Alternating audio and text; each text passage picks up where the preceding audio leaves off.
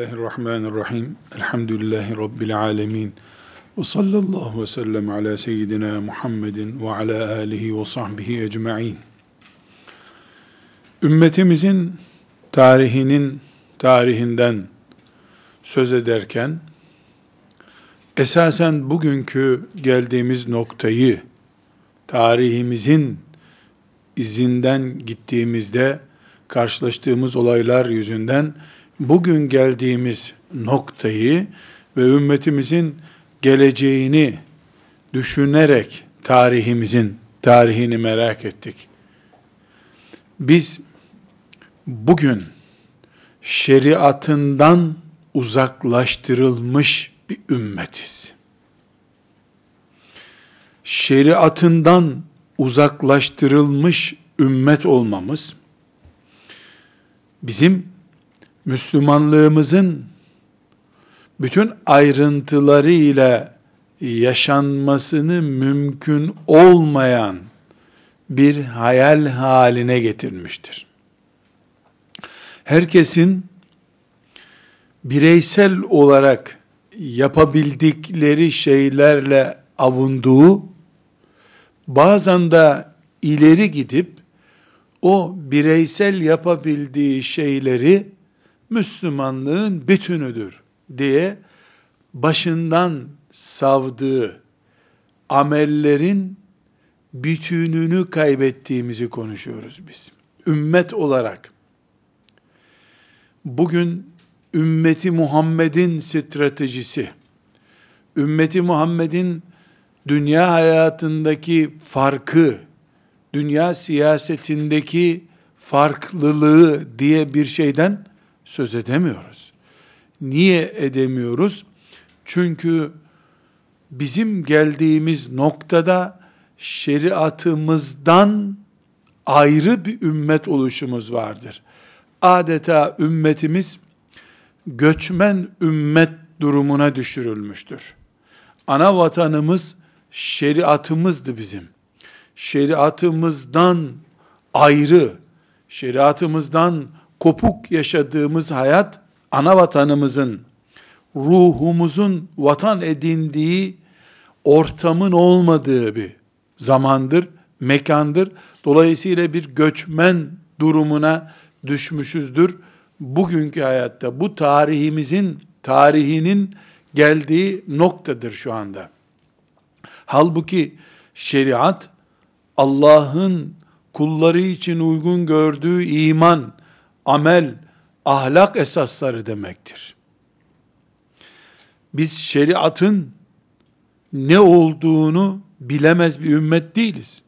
Bizim şeriatımız demek Allah'ın bize inanın, yapın, ahlakınızı ayarlayın dediği şeylerdir. Şeriat toplumu olduğumuz Kur'an'ımızdan bellidir. Kur'an Peygamber Efendimiz sallallahu aleyhi ve selleme seni şeriatla gönderdim diyor. Ümmeti Muhammed'in ilk gününden itibaren şeriatımız olmasa da olur diyen bir Müslüman olmamıştır bu dünyada. Çünkü şeriat bizim motor gücümüzdür. Bizim hareket kabiliyetimizdir.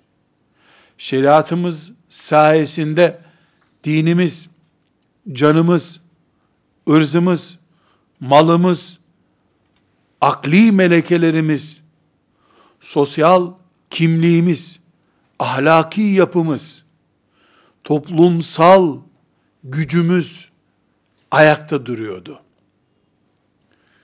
Biz şeriatımızı kaybettiğimiz için zina Müslümanların içinde kendi dikenini büyütebildi. Biz şeriatımızdan uzaklaştırılmış diyarlara sürgün edildiğimiz için alkol gıdamızdan günlük kullanımımıza kadar pek çok alanda bizimle arkadaş oldu. Biz canları tehlikede bir ümmet bireyleri neden olduk? Çünkü Allah'ın can teminatı olarak bize uygun bulmuş olduğu kısas şeriatımıza ait bir kural olduğu için bizden uzak diyarlarda tutulmuştur. Bugün Müslümanlar olarak ne yazık ki bireylerin kafasındaki şeriat anlayışında bile tahrifat yapılmıştır. En iyi Müslüman bu olsa gerek herhalde diyebileceğimiz kadar temiz görüntüsü olan Müslümanlar bile şeriat yani uzaktaki bir hayal diye bakabilir olmuşlardır. Belki de başımıza gelmiş felaketlerden biri Kur'an'ımızın hayat bulması anlamına gelen Resulullah sallallahu aleyhi ve sellemin sünnetleriyle bezenmiş bir toplum olmamızın sonucu olacak olan şeriat kimliğimizden uzaklaştırılmamız bizim Müslüman insanlar tarafından bile benimsenir olmuştur. Sebeplerini biraz sonra izah edeceğimiz bu erozyon yani bizim şeriatımızdan kayıp gitmemiz bir tür erozyondur. İslam toprağının Müslüman ruhun erozyonudur bu. Bu bireyler olarak ne yazık ki kabul görmüştür. Ve toplumlar olarak da, Müslüman toplumlar olarak da, Kuzey Afrika'sından Güney Asya'sına kadar pek çok alanda toplumların, namaz kılan insanların bulunduğu toplumların benimsediği ve sakınca bulmadığı bir erozyona dönüşmüştür. Hilafetimizin, ümmeti Muhammed'in Resulullah sallallahu aleyhi ve selleme vekalet eden makamı olan hilafetimizin tamamen siyasi, ideolojik ve nostaljik anlamda bile kaldırıldığı bir dönemden sonra İslam toplumları hac etmelerine rağmen Kabe'de her yıl büyük bir kongre, Arafat'ta büyük bir toplantı yapıyor olmalarına rağmen maalesef İslam toplumları üç ayrı noktada bulunuyorlar şeriat açısından. Birinci nokta Suudi Arabistan krallığının temsil ettiği noktadır. Kraliyet ilkeleri ve menfaatleri dışındaki alanlarda şeriat var. Bu cümlemin dikkatle anlaşılması için tekrar vurgulayarak, tekrar tembih ederek zikredilmesinde fayda buluyorum. Suudi Arabistan krallığının menfaatleri haricindeki alanlarda şeriatın var olduğu bir ülkedir. Suudi Arabistan Krallığı. Suudi Arabistan Krallığı diye anılıyor olması zaten ne anlama geldiğini göstermektedir.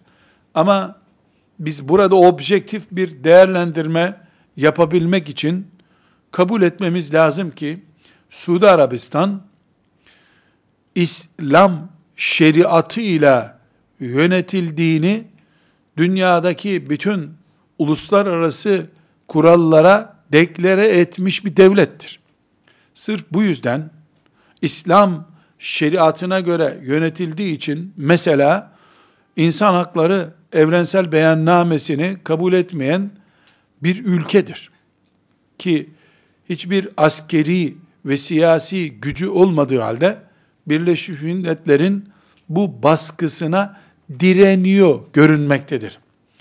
Uluslararası e, insan hakları örgütlerinin kınamalarından etkilenmediğini hissettirmektedir. Neden? Çünkü ben insan hakları evrensel beyannamesini kabul eden bir ülke değilim.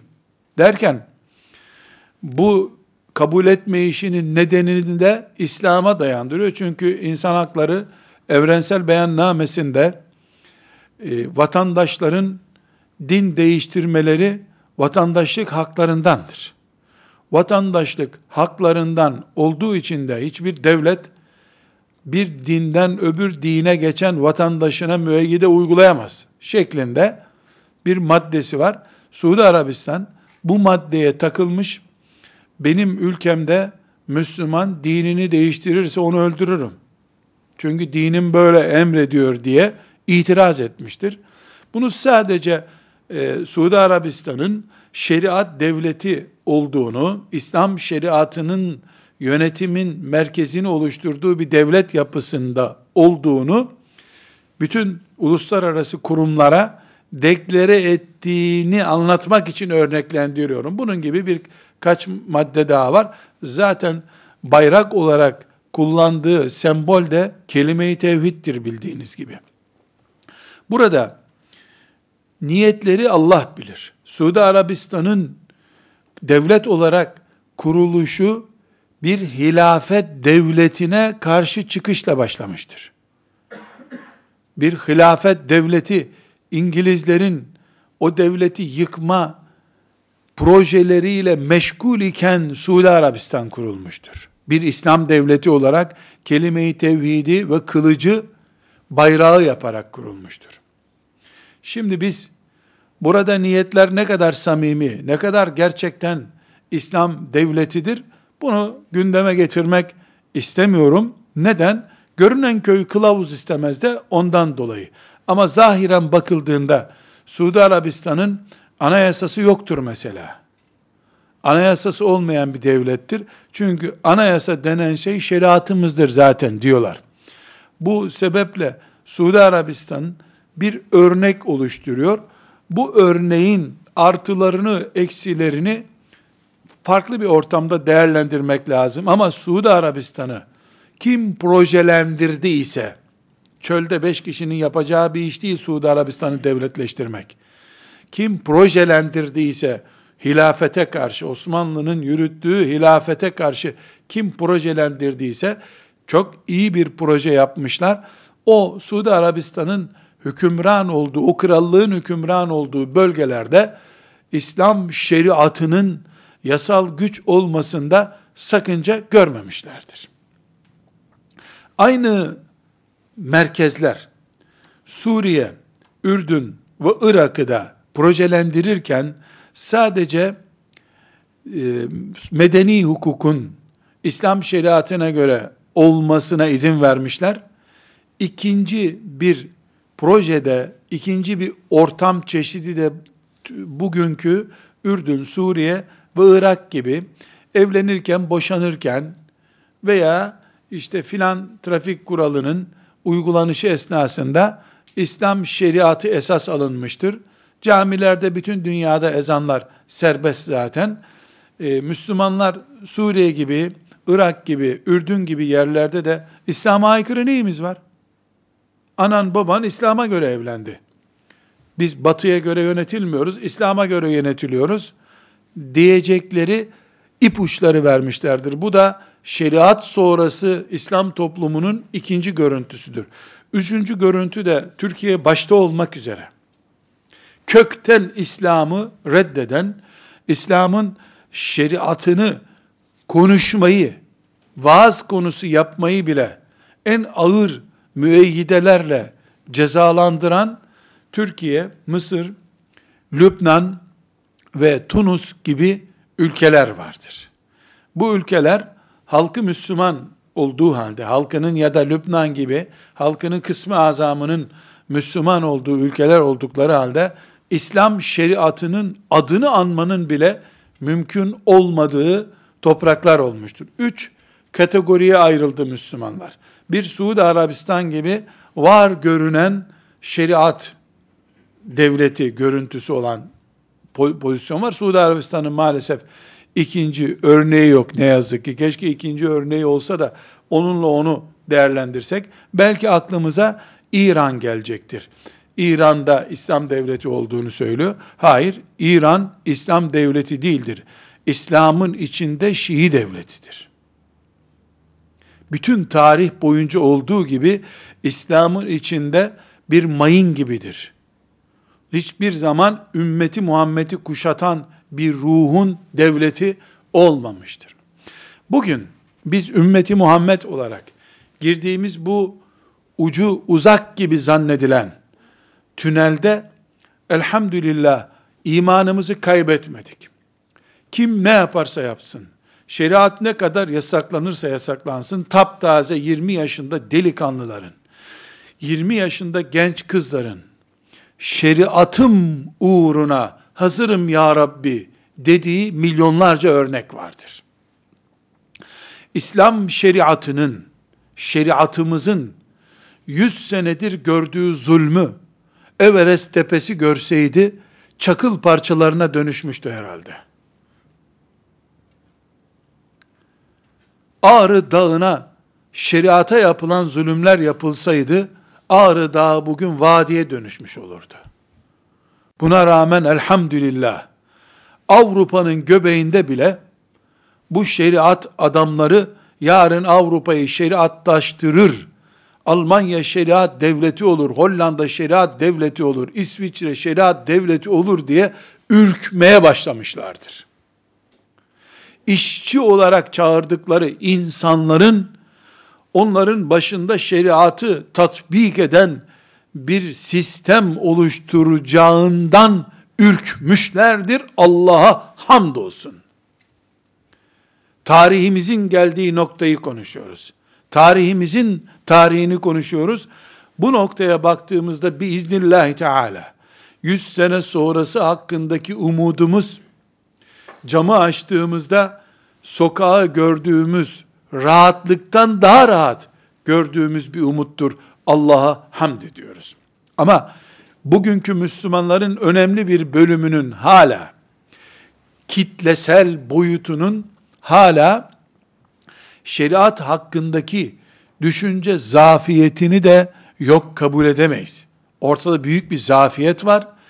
Bu zafiyet kitlesel bir şeriat temennisinden hala bizi uzak tutmaktadır.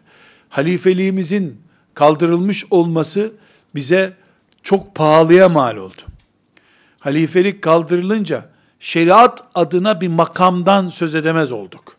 Dolayısıyla şeriat halifelikten sonra bireylerin savunduğu, filan alimin müdafaa ettiği, filan mütefekkirin müdafaa ettiği, Necip Fazıl'ın işaret yoluyla talep ettiği bir isteği haline gelmiştir. Kitlesel bir beklenti durumundan uzaklaşmıştır. Bu nedenle bugün Müslümanların şeriat temennisini seçim meydanlarında Müslümanlara vaatlerde bulunan, yol vaadinde, havaalanı vaadinde, emekli maaşına zam vaadinde bulunan siyasetçilerin en iyi ben getireceğim şeriatı, idaki seçimde halifeniz olacak diye vaatlerde bulunduğu sosyal bir vak'a haline getirmemiz gerekmektedir. Niye her siyasetçi emekliye zamdan söz eder? Niye her siyasetçi işçiye maaşının ve sosyal haklarının garanti edilmesinden söz eder? Çünkü işçilik ve emeklilik etkin bir sosyal vakadır. Şeriat temennisi Müslümanların sosyal vaka durumundan uzaklaşmıştır. Zira Müslümanlar şeriatın uzaklaştırılmasından, şeriattan gurbette yaşıyor olmamızdan ortaya çıkacak sonuçlar hakkında şuurlu değildir Müslümanlar. Bu şeriatsızlığın getirdiği noktayı idrak edebilmiş değildirler. Bu bir afettir. Halbuki şeriatımızın olmayışı, başta onu temsil eden halife olmak üzere, şeriatımızın olmayışı vahyin muattal hale getirilmesi demektir. Vahyin muhatta, muattal hale getirilmesi ne demek?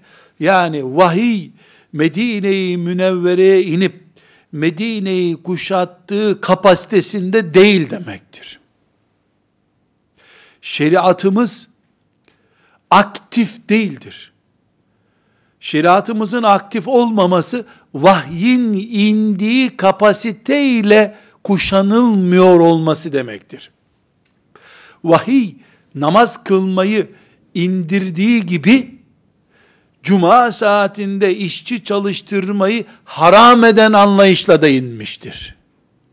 Bugün namaz kılmak serbesttir ama cuma saatinde ticari merkezleri, fabrikaları kapatmayı men eden bir kanun yoktur. Olamaz da zaten laiklik buna engeldir.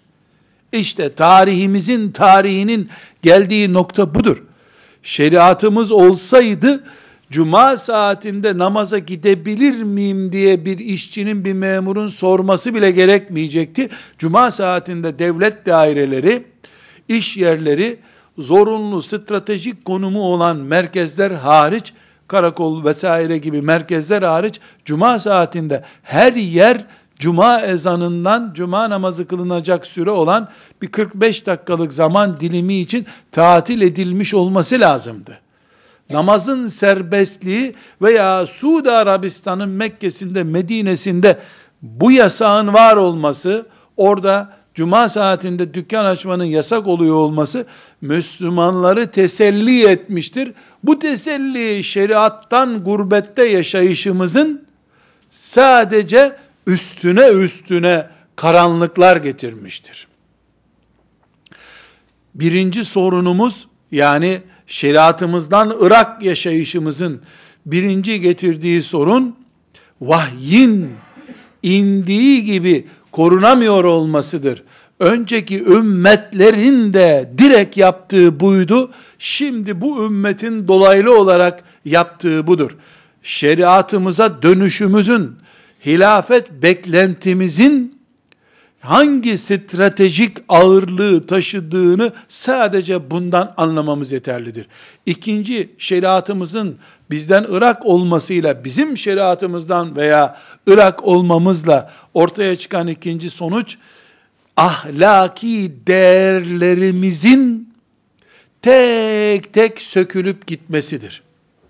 Kadın üzerinden, ticaret üzerinden, siyaset üzerinden veya aile yapısı üzerinden şeriatı olmayan toplumun ahlaki değerleri nasıl adım adım yıprattığını görmemiz mümkündür. Ve bozgunun rüşvet başta olmak üzere ahlaksızlığın, çirkinliğin adım adım İslam toplumunun normları haline gelmesinin sonucu da bu şeriatla bağlantılıdır. Şunu mesela bir Müslümanın caminin önünde e, kahve içerken, çay içerken söylediğini duyabilirsin. Evet, bizim belediyecimiz çalıyor. Hırsız adam. Ama adam şehrimizi de tertemiz yaptı, yollarımızı yaptı. Çalıyor ama yolları yaptı. Çalıyor ama adam da işinin hakkını veriyor kardeşim. Bu neyi gösteriyor? Siyasetçinin, yöneticinin çalmasını meşru bir iş durumuna getiriyor. Neden? Bütün dünyayı gökdelenle doldursa, imar etse bile çalmak, kol kestirmeyi gerektiren bir suçtur, konuşulamıyor bu topraklarda. Kolu kesilesi bir adam ne hakla ümmeti Muhammed'in bir biriminin yöneticisi olabilir. İsterse yolları gümüş kaplatma yapsın. İnsanların evlerine kadar sosyal hizmet götürsün, ne yaparsa yapsın, çalmak adiliktir. Çalmayı neden tolerans konusu, tolerans başlığı olarak açabiliyor Müslüman? Çünkü şeriatının verdiği terbiye ağırlığından, şeriatın oluşturduğu ahlak seviyesinden aşağılara düşmüştür. Ondan dolayı. Ve bir başka şeriatımızın olmamasıyla karşılaştığımız bir başka sonuç da Müslümanların imanlarıyla amelleri arasındaki çelişkinin büyümesidir. İmana gelince Arapların imanını bile beğenmeyecek düzeyde bir iman, en güçlü iman bu topraklarda var. Ama hırsızlık diz boyu, fuhuş diz boyu, Yalan mubahlaşmış. Nerede büyük iman lafları? Ramazanda kandil gecelerinde hacıları uğurlarken ki koca koca iman balonları nerede şimdi? Ticarette senede ve çeke atılan imzaya bile itimat yok. Halbuki Resulullah sallallahu aleyhi ve sellemin getirdiği vahyin terbiyesinde mümin sözünün kölesidir diyor. Sözünün esiridir mümin. Ölür sözünden vazgeçmez diyor. Mümin noter demektir. Mümin kanun demektir. Mümin müeyyidesi kendinden olan insan demektir. İken sözlerimizle, hareketlerimizle iman iddiamız arasında çelişki ortaya çıkmıştır. Çünkü bu çelişkiyi bu çelişkiyi yorumlama hakkı yok kimsenin. Çok basit bir misal, bir vakayı anlatmıyorum. Sadece bir sanal soru soruyorum. Bir büyük şehrin başındaki müftü dini temsil ediyor görünüyor. İnsanlar en ağır fetvalarını ona soruyorlar. Veya bu ülkenin diyanet işlerini temsil eden bir kişi, sanal soruyorum. Vakıa değil bu. Sabah namazını senelerce kılmamış olsa, bu onun müftü olmasına engel mi? İnsanların, aa bizim müftü sabah namazına gelmiyor deme hakkı var mı? Hayır, böyle bir şey yok. Müftü, insanlara sigaranın en azından tahrimen mekruh olduğunu söyledikten sonra, çok yorulduğu için dairesinde sigara içebilir. Yasal bir sorun değil bu. Şeriatımızdan uzak olunca imanımızla imanımızdan kaynaklanması gereken amellerimiz, tavırlarımız ve kimliğimiz arasındaki makasın ne kadar açıldığının örneğini veriyorum. Böyle bir vakayı yaymıyorum. Ve çok daha üzücü bir nokta şeriatsızlığımızın bize getirdiği faturalardan şirk ve haramlar insanların normu haline, toplumun sosyal realitesi haline gelmiştir. Namaz kılan annenin babanın çocukları ateisttir, deisttir, bilmem nedir diye çok rahat konuşabilmektedirler. Şirk olan şeyler rahat konuşulabilmektedir. Kimsenin kimseyi ne yapıyorsun Allah'ın en büyük haramlarındandır bu diye tenkit etme hakkı yoktur artık. Çünkü haramlar devlet koruması altındadır. Şirk insanlara sunulmuş hürriyetlerden biri haline getirilmiştir.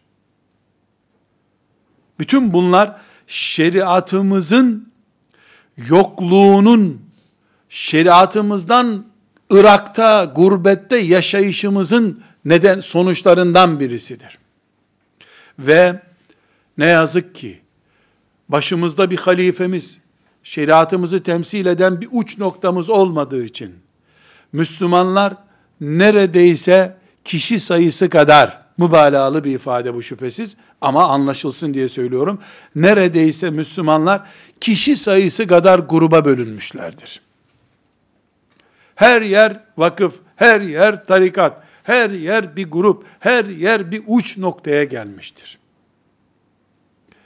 Ve bundan da kötüsü Müslümanlar arasında bu parçalanmışlıkta birleşme umudunun olmadığına şeytan bizi inandırmıştır. Bütün kalplerin Allah'ın elinde olduğunu, iki parmağı arasında Allahu Teala'nın kalplere hükmettiğini, bir gece kalktığımızda büyük bir meydanda sabah namazı kılmak için milyarlarca mümin toplanıp birbirimizde kenetlenmiş, birbirimizi kucaklaşmış bir pozisyonda olabileceğimizi, buna Allah'ın kadir olduğunu Müslümanlar anlamak istemiyorlar. Bir daha birleşilmez düşünüyorlar. Halbuki bu parçalanma, bu bölünme, günahlarımız ve şeriattan uzaklaşmamızın sonucu Allah'ın bir azabıydı bize. Bu kadar bol büyüğümüzün olması, bu kadar bol hep İslam bende benden başkasında İslam yok iddiasındaki kimlik sahiplerinin oluşumlarının içimizde bulunması şeriatımızdan ve Kur'an'ımızdan uzaklaşmamızdan dolayı Allahu Teala'nın bir azabıydı bize. şeriattan kopuşumuzun en temel sonuçlarından birisi de mevcut zelil ve düşük pozisyona razı bir ümmet hale gelişimizdir. Avrupa'ya onların tuvaletlerini ve sokaklarını temizlemeye işçi gönderirken davullu zurnalı tören yapılması buydu. Sanki Avrupa'yı fethe giderken davul çalan, mehter çalan kanuni ordusuymuş gibi davullarla, zurnalarla trenlere işçiler doldurup Avrupa'da sokak temizlemeye gönderdiler. Zillete razı, zilletle hatta övünen bir toplum durumuna getirildi. Şeriatsız toplum zilletten ve düşüklükten övünebilir mi? Övünür böyle olur işte. Batının kültürünün bize dosya dosya taşınıyor olmasıyla övündü bile. Müslümanların desteğiyle bu topraklarda, Müslümanların topraklarında siyaseti ele geçirenler müjde olarak batıda ne varsa getireceğiz, yasa ve kasa ne varsa getireceğiz diye vaat ettiler. Bir dahaki seçimi de bu sebeple çok iyi kazandılar. Şeriat insana onur veren bir gücün adıdır. Şeriatın varlığıyla mümin göklerle bağlantılı hale gelir. Şeriatı yaşayan bir mümin, yaşama arzusuyla yaşayan bir mümin, Kur'an ruhlu mümindir. Şeriatından kopan mümin ise sığınacak yer arayan bir insandır. Gurbeti ve esareti benimsemiş insandır. Bir başka meselemiz şeriatsızlıktan kaynaklanan bir başka meselemiz ise bu şeriatımızın olmayışı, dolayısıyla şeriatımızın başı olan halifemizin bir otorite olarak olmayışının doğal sonucu olarak İslam toprağının tamamında, Türkiye ve diğer İslam toprağının tamamında akidemizden, şeriatımızdan ve ahlakımızdan alınmış belli esaslar sanki orta çağlarda, orta asırlarda veya Afrika çöllerinde bir kabile yönetimine ait bir ilkelermiş gibi Müslümanların zihninde ayıplanıp şüpheli hale getirilmiştir. Yani filanca konu akidemiz konusu mesela kabirde azap var diye bir akide anlayışımız var bizim. Bu Müslümanların gözüne bakıla bakıla aa bu zamanda böyle basit şeylere mi inanılır denmiş. Müslümanların gözünde buna inanmak gülünç kabul ettirilmiştir. Şeriatımızın en hassas mesela faizi yasaklayan ilkesi olur mu? Bütün dünya faizle ekonomisini işletiyor. Deye deye Müslümanlara cami kürsülerinde bile faiz haramdır Müslümanlar demeyi neredeyse suç değilse bile yani hoş olmayan, yerinde olmayan, zamanı olmayan bir cümle olarak konuşulmuştur. Erkeğin talak hakkını Allah erkeğe vermiştir. Cümlesini içini doldura doldura bir alim bile söyleyemez olmuştur. Neden? Müslümanların şeriatı, Müslümanların akidesi, Müslümanların ahlakı, Müslümanların sosyal değerleri şeriatlarının koruması altındaydı. O şeriatı bir halife temsil ediyordu. Tarihimizin tarihinin geldiği noktada Müslümanlar başlarını o başla beraber şeriatlarını kaybettikleri için, şeriatlarından gurbette yaşadıkları için Müslümanlar, bu şeriatımın ilkesidir. Şeriatım da Allah'a aittir. Allah'ın bir sözü tartışılamaz diyemez duruma düşmüşlerdir. Afet bu. Bunun daha derin afet olması, İslam namına çalıştığını söyleyen, ruh terbiyesi için hareket ettiğini söyleyen bir tekkedeki şeyh efendinin veya onun yakınlarının şeriatın zamanı değil diyerek çılgın tarikattan tarikattan binlerce fersah uzakta bir adam olduğunu gösteriyor olmasıdır. Tarikat ki şeriatın ruhudur, özüdür. Güya bir tarikatın başında olup şeriatın zamanı değil. Ne zaman şeriatın zamanı oluyor? Rabıtanın zamanı oluyor da şeriatın niye zamanı olmuyor diye de soramıyorsun. Zikir şeriat demek değil mi? Şeriat zikrullah demek değil mi? Tarikat bunun için var değil mi zaten? Bu Müslümanların içine bir kanser gibi maalesef sızmıştır. Bu noktaya gelinmiştir. Ve bir başka afetimiz daha. İnsanın gıdıklayıcı özelliğini yansıtan şehvetler şeriatın yokluğu döneminde azdırılmıştır. Azdırılmıştır. Küçük çocuk tecavüzlerinden evlilerin haram ilişkilere girmesine kadar sanal dünyada cinsel ilişki oluşturmaya varıncaya kadar pek çok alanda şehvetler kudurtulmuştur. Para şehveti kudurtulmuştur. 120 ay taksit ödemeye mahkum Müslümanlar yaşatılmıştır. Peygamberlerinin borçlu olan adamın cenazesini kılmam dediğini bildikleri halde borçtan korkmayan Müslüman üretilmiştir. Mal şehveti, bahçe şehveti, cinsel şehvet, çoluk çocuk şehveti ne varsa bütün şehvetler azdırılmış, adeta kudurtulmuştur. Şeriat bunları dizginliyordu.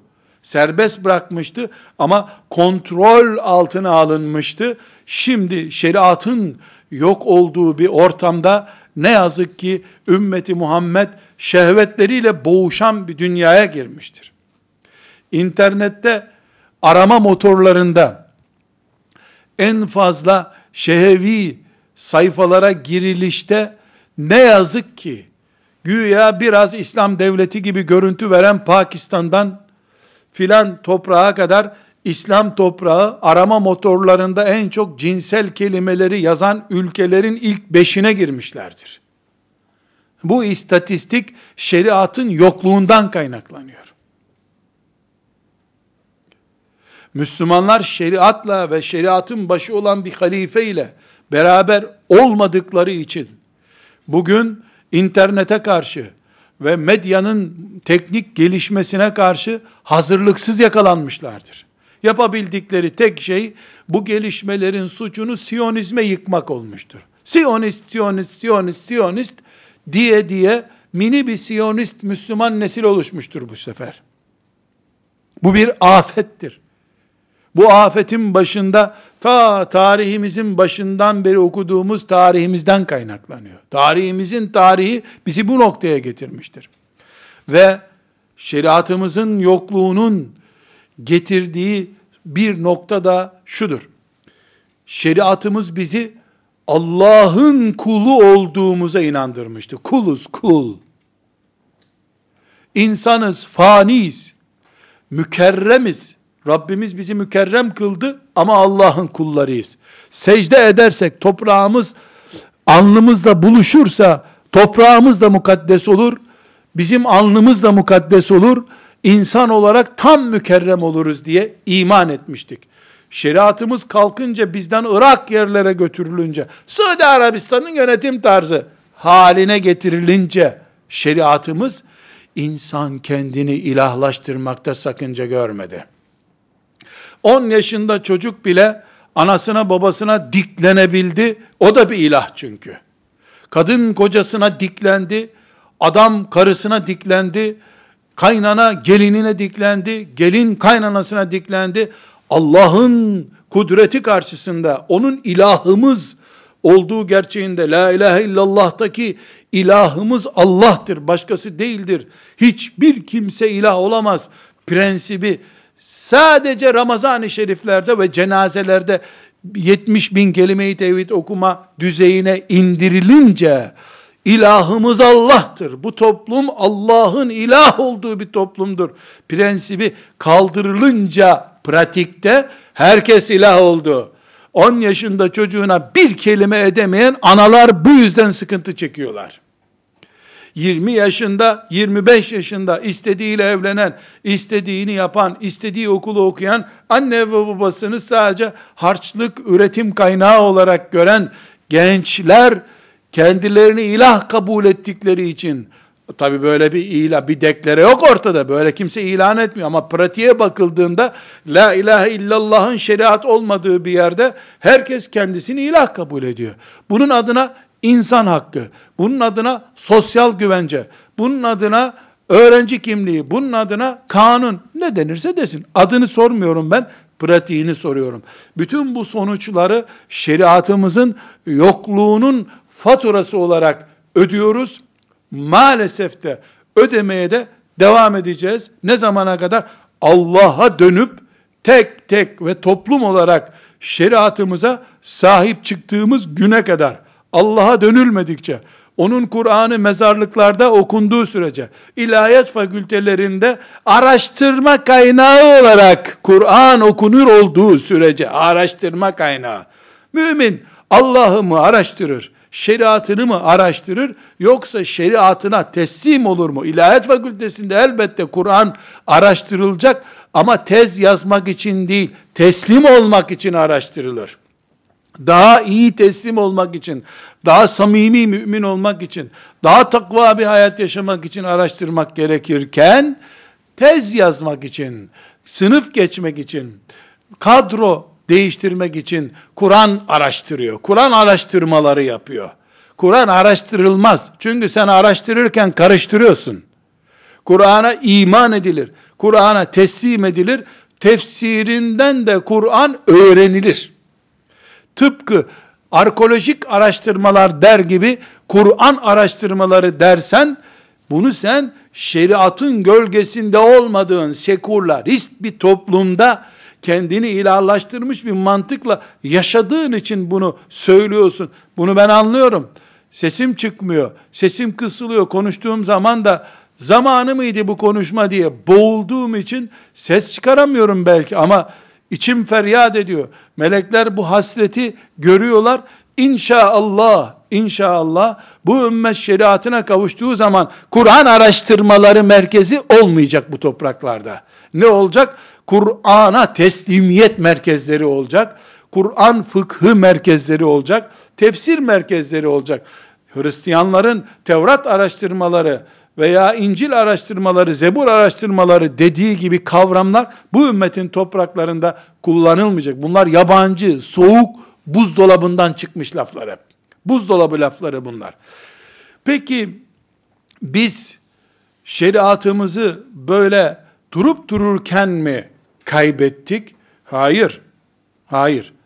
Peki bir inkılap döneminden sonra yaklaşık olarak neredeyse 70-80 sene geçti. Müslümanlar niye hala e, şeriatlarına kavuşmuyorlar? Niye hala nesiller e, şeriat nesli olarak yetiştirilemiyor? Şüphesiz bunun bin bir sebebi var ama siyasi zulmün zindanlarda çürümüş alimleri ve kırbaçlandırılmış, dipçiklendirilmiş bir başörtüsünden dolayı cami önlerinde joplanmış nesilleri unutmuyoruz. İskilipli Atıf'ın niye asıldığını unutmuyoruz. Her zaman bilmemiz gerekir ki İskilipli Atıf'ı rahmetullahi aleyh filan suçu işlediği için asmadılar. Onu şeriatın sembolize ettiği bir isim olarak dar ağacına koydular. Ankara'da astıkları adam şeriattı aslında. Onun için onu sarığıyla ipe götürdüler. Onun için sakalına dokunmadılar asarken. Onun için cübbesi üzerindeyken iskilipliği astılar. Çıkar cübbeni. Madem asıyorsunuz çıkar cübbeni. Çıkar sarığını. Kes sakallarını. Hem böyle cezalandırmış ol. Niye demediler? Daha fazla ceza vermiş olurlardı. Hayır. Astıkları iskilipli atıf değildi rahmetullahi aleyh o sarıkla, sakalla, cübbeyle, şalvarla, altındaki hatta e, ayakkabılarıyla İslam'ı temsil ettiği için İslam'ı ipe götürdüler. Zannettiler. İslam Allah demektir. Şeriat Allah'ındır.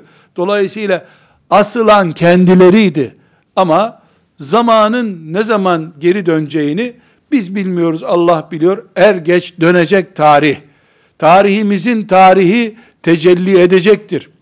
Diliyoruz ki Allah'tan Mehdi aleyhisselam gelmeden önce O şeref bize nasip olsun. Şeriatımızı yeniden hayatımızın ruhu, hayatımızın atar toplar damarı haline getirmek nesil olarak bize nasip olsun diye çırpınıyoruz biz. Yoksa bu vaka gerçekleşecek. Bunu Müslümanların bilmeyiş nedeni, zalimlerin bu zulmü yapmaları, alimlerin yetersiz kalmaları, bin bir sebep hangisi olduğu çok önemli değil. Ama bugün Müslümanlar olarak ciddi bir şekilde bizim karşı durmamız gereken bir nokta var.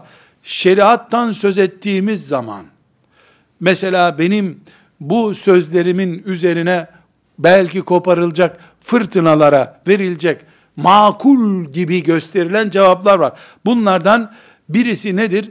İnsanlar şeriat kelimesini kol kesmek, katili ipe götürmek vesaire gibi hep kanlı ve organlı anlıyorlar. Öyle anlatılıyor. Haykırıp diyoruz ki şeriat hayatımız demektir bizim. Asmak kesmek değildir. Biz 1400 senedir şeriatımızın tatbik edildiği dönemlerde asılmanın, kesilmenin, kol koparmanın olmadığı dönemleri görüyoruz. Şimdi gün aşırı 50 kişinin 100 kişinin ölüm haberleri şeriatın yokluğundan dolayı geliyor. Şeriatımız hayat sistemimizdir. Hırsızın kolunu kesmekle sınırlandırılamaz. Kadınlara kocalarınız üç evlilik daha yapabilir diyor şeriatımız. Ama şeriatımız bu değildir. Kadını evinde kraliçe yapan sistem de şeriatın sistemidir. Şeriatımız bir hayattır. O zaman biz bugünkü mer'i hukukta mesela filan Avrupa ülkesinde idam cezası var diyelim veya Amerika'da idam cezası var. Batı hukuku idam hukukudur diyebiliyor muyuz? Dedirtiyorlar mı bize? Canım o hukukun binlerce sosyal güvencesinden bir tanesini niye sen aldın diyor. Elektrikli sandalyeyi niye kimse konuşmuyor? Elektrikli sandalyede dakikalarca işkence çekerek ölüyor insan. Bu esasen bir düşmanlıktan kaynaklanıyor. Makul, bilimsel bir gerekçeden dayanmıyor. Ve Müslüman okumuş yazmışlar arasında da karşı çıkışlardan bir tanesi şudur. E bugünkü dünya düzeninin içerisinde herhangi bir şekilde şeriat devletine yer bulamayız. Niye bulamayız? Niye bulamayız? Kabul etmez dünya.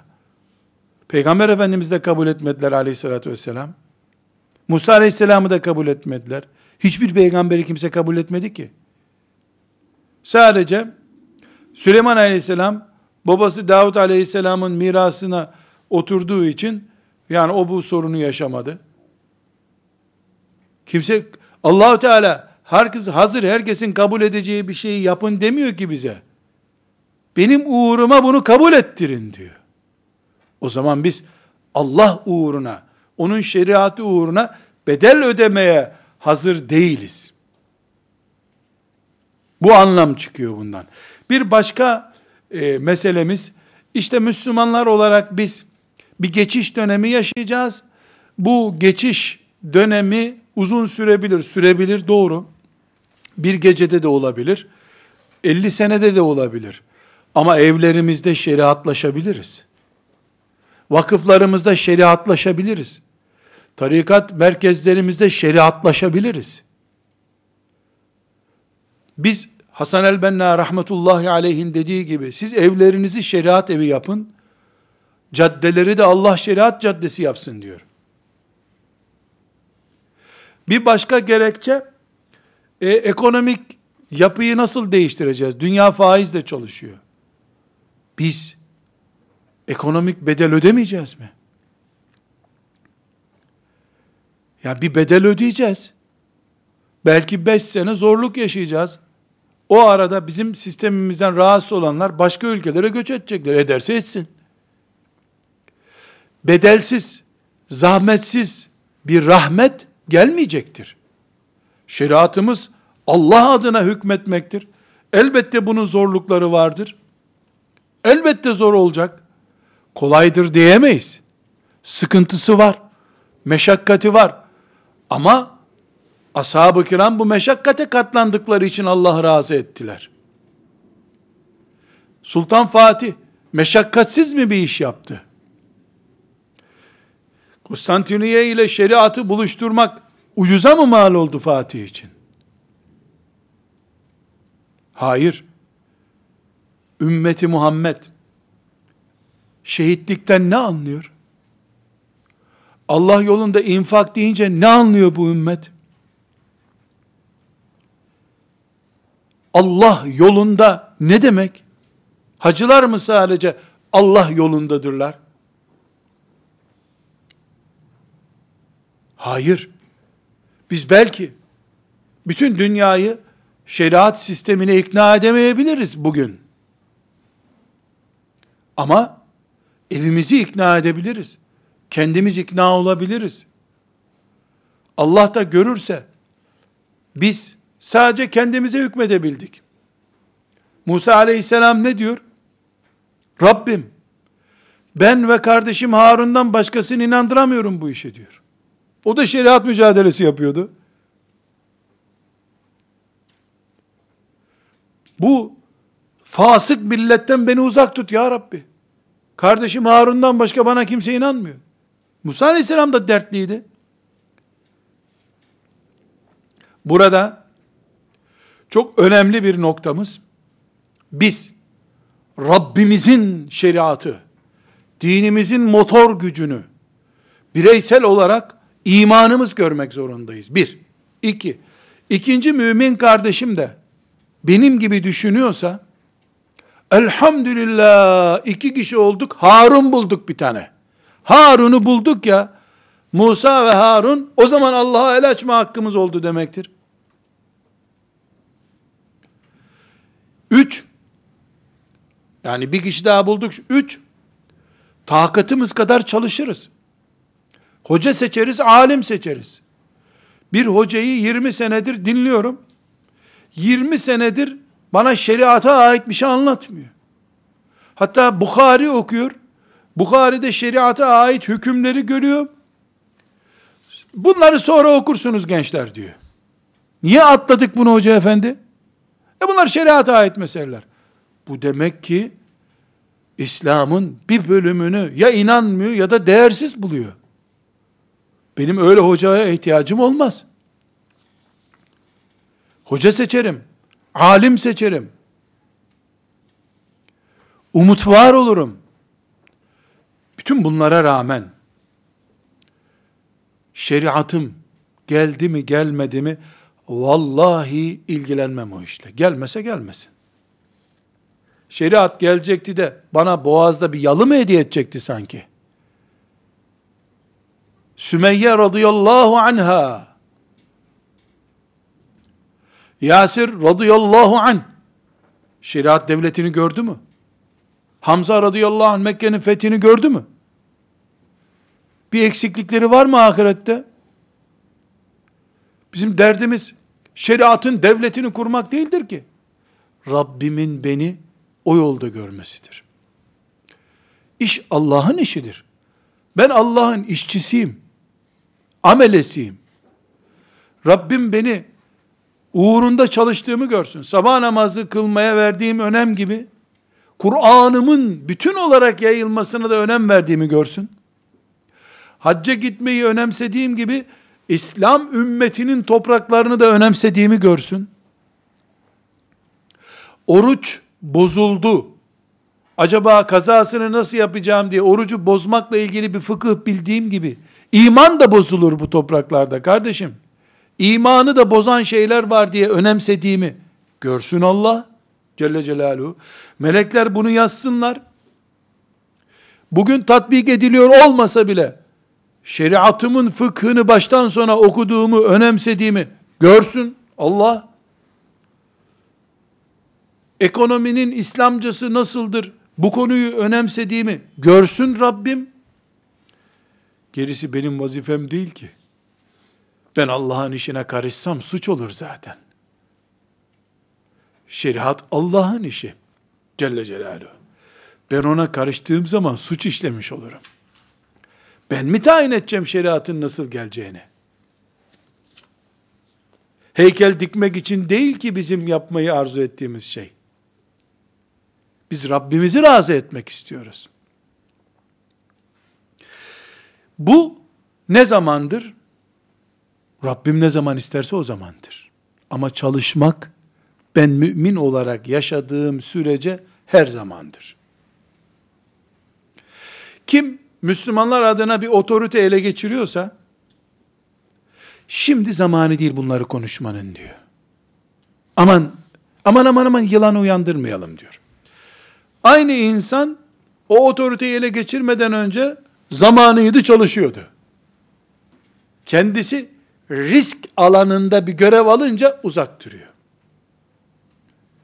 Sıkıntımız bu bizim. Bütün zamanlar ve bütün mekanlar Allah'ındır. Bütün insanlar Allah'ın kullarıdır. Şeriat Allah'ındır bütünüyle. Dolayısıyla Allah'ın ve şeriatının olmayan bir zaman ve mekan yoktur. Zindana girdiğimizde bile la kadderallah bu hakikati haykırırız. Evliliğimizi bu hakikate göre yaparız. Boşanma söz konusu olursa maazallah boşanmayı bu şekilde yaparız. Parayı bu şekilde biriktiririz. Harcamayı bu şekilde yaparız. Çocuğumuzu hafız yapmadan önce şeriata iman ettiririz. Sonra da şeriatın ruhu olan, özü olan Kur'an'ı ezberler çocuğumuz. Hoca kim ederiz biz? Şeriat bütünlüğüne sahip ilmi olana deriz. Alim kim ederiz? Resulullah sallallahu aleyhi ve sellemin varisine deriz. Resulullah sallallahu aleyhi ve sellem şeriatı olan bir peygamberdi. Onun varisinin de şeriatı olması lazım. Eğer ben bunu bütün olarak becerebiliyorsam ne mutlu bana ya Rab. Ne mutlu bana. Beceremiyorsam Rabbim namazı bile becerebildiğim kadar kılmamı emretti zaten. Ayakta dur dedi. Ayağım ağrıyor dedim. Otur dedi. Oturarak kıldım. E şeriat da namaz gibi bir emir. Bütünü için mücadele ederim. Düşerim, kalkarım, sürünürüm, dövülürüm, eziyet çekerim, propaganda görürüm, yuhlanırım, tükürülürüm, her şeye razı olurum. Ama hiç de gelmez şeriatım, bana dert değil. Niye? Ben tarlamı kazarın, kazmakla yükümlü bir çiftçiyim. Yağmurları yağdırmak, tohumlara hayat vermek Allah'ın işidir. Allah'ın işidir. Ama bir sorun var. Laikliği din gibi gören sistemler bile o ülkede resmi maaşlı Kur'an hocalarının bulunmasından niye rahatsız olmuyorlar?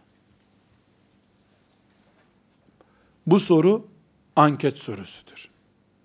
Buna cevap bulmaya çalışalım. Niye rahatsız olmuyorlar?